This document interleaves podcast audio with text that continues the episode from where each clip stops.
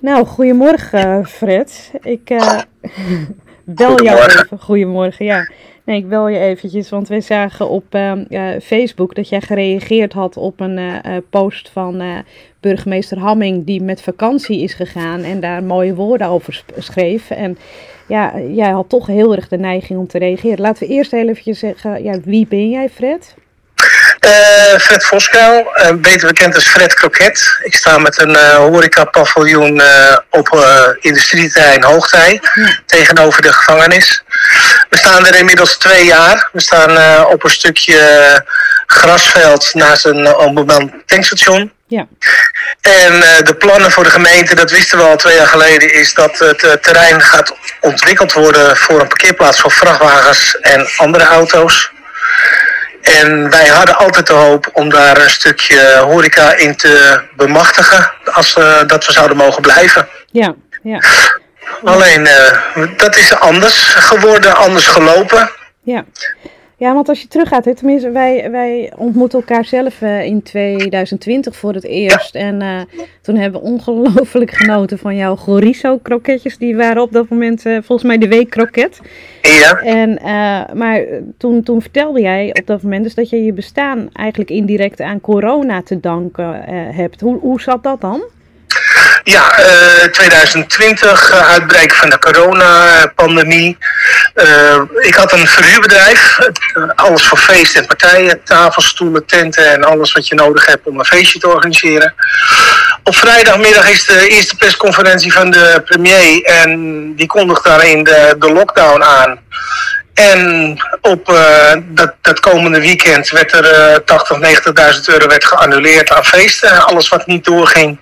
Ja. De, sale, de sale ging niet door, de samenloop van hoop ging niet door, de Saan, Saan aan de wandel ging niet door. Nou, noem maar op. Alle even feest, feesten en evenementen voor dat jaar zouden niet doorgaan. Formule 1 stond op, uh, op, op wankelen of dat wel of niet door zou gaan. Ja. Dus uh, mijn bedrijf uh, stond van de ene op de andere dag helemaal stil. Uh, en ik had wel uitgaven aan, uh, aan dure verzekeringen en auto's en, uh, en panden. Dus ik heb toen heel snel besloten om Voskel Tentenservice te staken. En door te gaan met Fred Kroket. Ja, nou ja, en dat werd dus wel echt een duidelijk groot succes. Je had flink wat klanten en aanloop. en je was ook vrij ja, populair, ook, ook bij mensen in, in. Um, je maakte toen plannen. Hoe zagen die eruit? Nou ja, in eerste instantie natuurlijk met de verkoopwagen en met de tenten die we nu geplaatst hebben als, als paviljoen, tijdelijke oplossing.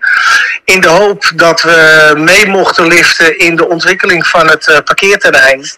En dat we dan een vast gebouw zouden kunnen neerzetten. En, en, en door zouden kunnen starten met, met Fred Kroket. Ja. Ook met, uh, met oog op de bewoners van Westzaan. Want uh, inderdaad, daar zitten natuurlijk helemaal geen, uh, geen horeca meer, geen snackbar. Nou ja, hier op het industrieterrein zit helemaal niks. Dus daar zagen we best wel potentie in. Hè? Maar er er heel veel zin in. Ja, want toen ja. in, in maart ongeveer, volgens mij maart 2021, toen hoorde je opeens dat, dat er kapers op de kust waren. Dus dat, dat het niet zo zou zijn dat jij eerst recht zou krijgen voor dat kavel. Nee, ja, dat, uh, de medewerker van de gemeente waar wij contact mee hebben, die uh, liet wel doorschemeren van ja, we, we gaan ontwikkelen, maar we weten nog niet hoe en wat en wanneer. En als wij gaan beginnen moet jij weg of uh, tijdelijk verplaatsen of nou ja, misschien mag je kopen. Toen heeft hij nog een, een, een, een kwinkslag gemaakt naar een, een stukje wat, we, wat hier lag van nou, eventueel zou je daar 500 vierkante meter kunnen kopen. Nou, twee maanden later werd er een fietspad neergelegd. Ja. Dus uh, die plannen gingen, daar ging ook een streep doorheen. Dus uh, plannen om te kopen, om te huren, om te verplaatsen. Nou ja, de, het wisselde per maand, per, per aantal maanden. En nu de, de laatste ontwikkelingen is uh, dat er uh, het gebied wordt ontwikkeld voor een parkeerplaats voor uh, ongeveer 13 vrachtwagens en, en parkeerplaatsen voor busjes en auto's. Ja. En dat er twee horecakavels zijn ingetekend. Eentje van 100 vierkante meter en eentje van 120 vierkante meter. Ja. En om daar aanspraak op te moeten maken, dan moet je meeliften in een Europese aanbesteding. Ja. Europees? Ja. Is dat dermate groot dat dat moet? Nou, ik denk dat ze gewoon de het hele ontwikkeling van het hele terrein uh, op één hoop vegen. Ja. En daar de, en daar de horecakavels ook onderschuiven.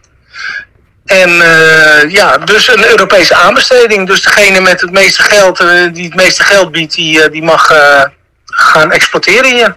Jeetje zeg. Hey, en en wat, wat, wat ik dan zo gek vind, sowieso, is in, uh, toen, toen in maart uh, duidelijk werd dat jij niet uh, zeg maar eerste keuze had, dat je geen streepje voor zou hebben, ondanks de geschiedenis en, en jouw ja. ontwikkelingen, is er een petitie gestart. En die is toen meer dan 3250 keer getekend. Ja. Dat Ja. hebben jullie overgedragen aan volgens mij wethouder Krieger. Ja, klopt. En die zou zijn stinkende best voor jou gaan doen. Wat heeft hij gedaan? Hij is in zijn auto gestapt en hij is het vergeten. Hij heeft hier de petitie in ontvangst genomen en ik heb nooit meer wat van de man goed ge gehoord. Dus uh, nee, er is helemaal niks mee gedaan. Dus in, En ja, in principe had hij uh, zich er bijvoorbeeld hard voor kunnen maken om het kavel voor de horeca uit die Europese aanbesteding te trekken. nou ja, of, of een van de twee uh, te vergunnen aan de ondernemer die er al twee jaar uh, zijn stinkende best voor doet om hier een, een boterham te verdienen. En die andere dan per Europese aanbesteding uh, binnen te gaan harken en, en daar geld voor te gaan maken. Maar mijn vermoeden, een uh, aantal weken geleden heb ik een gesprek gehad op het uh, stadhuis van Zaanstad. Uh, over de plannen en over het marktonderzoek wat ze hebben gedaan. En wij werden toen te woord gestaan door een ambtenaar van de gemeente Amsterdam. Okay. Dus ik denk dat Zaanstad helemaal niks meer te vertellen heeft over de ontwikkeling van Hoogtij. En dat Amsterdam, en dan met name het ontwikkelingsbureau, de RON heet dat volgens mij. Ja die, be, die bepalen hoe het er hieruit gaat zien. En die gaan voor het grote geld. En die ambtenaar van Ron, was die op de hoogte ja. van jouw geschiedenis op de plek? Ja, ja, ja zeker weten, ja. Dus uh, ja, je ziet gewoon om je heen hier, uh, de kavels worden alleen maar groter. Ik las laatst een stukje dat er uh, geen kavels meer onder de 50.000 vierkante meter worden weggegeven vergeven. Ja. Dus ja, ze gaan echt voor het grote geld, voor de grote multinationals. En die, die hebben recht van spreken. En een kleine lokale ondernemer, daar hebben ze geen oog, geen oog voor. Nee, nee. Nou ja, ondanks dus de, de petitie en al inspanningen ja. die daar zijn geweest. Uh, dus, ja. Um, de, men, de, mensen de, uit, uit Westzaan en de, de, vrachtwagenchauffeurs en de bedrijven om ons heen, die zitten niet te wachten op een Febo of een, een andere multinational. Die vinden dit kleinschalige, dat kneuterige, dat vinden ze gezellig. Het Ja. is een beetje een huiskamer geworden en een terras geworden. En uh, ja, die zitten niet te wachten op een, uh, op een grote multinational. Nee. En nou, nou heb je gereageerd hè, via Facebook. Uh, Ja. met, wat, heb je precies geschreven tegen de burgemeester? Nou, de burgemeester heeft een heel mooi verhaal. Dat, uh, dat de zaankanters dromen hebben en ondernemers. En, en dat je mag dromen en dat je je dromen werkelijkheid moet laten maken. Alleen mijn droom hier uh, is, is als een ballon uh, lek geprikt. Ja. En ze hebben gewoon geen, geen, geen, geen gezicht op je, geen tijd voor je. Geen, het interesseert ze allemaal niet. Nee. En dat heb je nu opgeschreven. Ja, ik moest even toch reageren op uh, alle mooie woorden. Dat, uh, wat je veel hoort in de, en ziet in de politiek, landelijk en, en lokaal. Dat uh, ze beleiden met de mond andere dingen dan dat ze doen. Ja. En nou had je het over een wurgcontract in die reactie. Nou ja, goed. Ik heb een contract, steeds een contractverlenging voor een half jaar. En daarin staat dat ik uh, tot het einde van het contract mijn contract moet uitdienen en niet eerder weg mag en, en moet doorbetalen. Ja. Maar er staat een andere regel in dat als de gemeente zegt van we gaan volgende maand beginnen hier met de ontwikkeling, dan uh, moet jij of weg of tijdelijk verplaatsen. Ja. Nou ja, dat tijdelijke verplaatsen, dat is een wassen neus. Want ga nou maar een, een stroomcontract aan met Liander en dan ben je over drie jaar aan de beurt. Ja.